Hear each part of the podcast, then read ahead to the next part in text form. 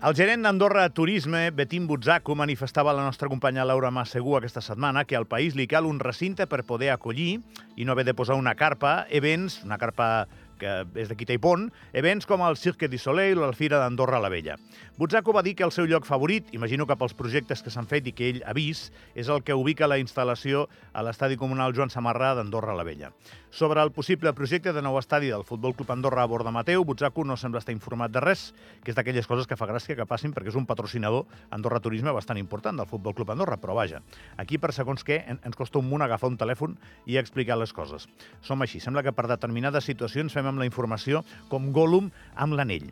Informació, mi tesoro. Anem al multifuncional. Això serà car. El multifuncional costarà pasta, serà car.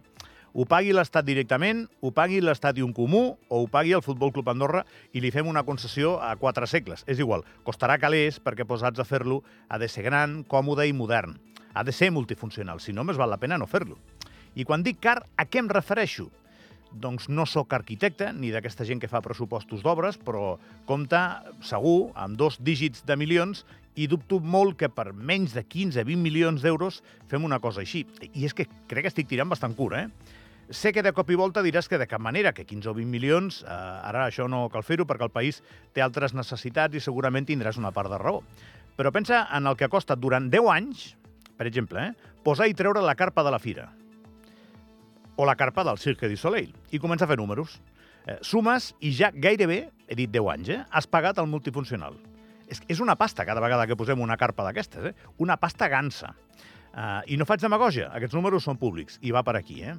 Per concloure, el que crida l'atenció és que, vist com estem organitzats com a societat, aquesta instal·lació sembla que sigui necessària.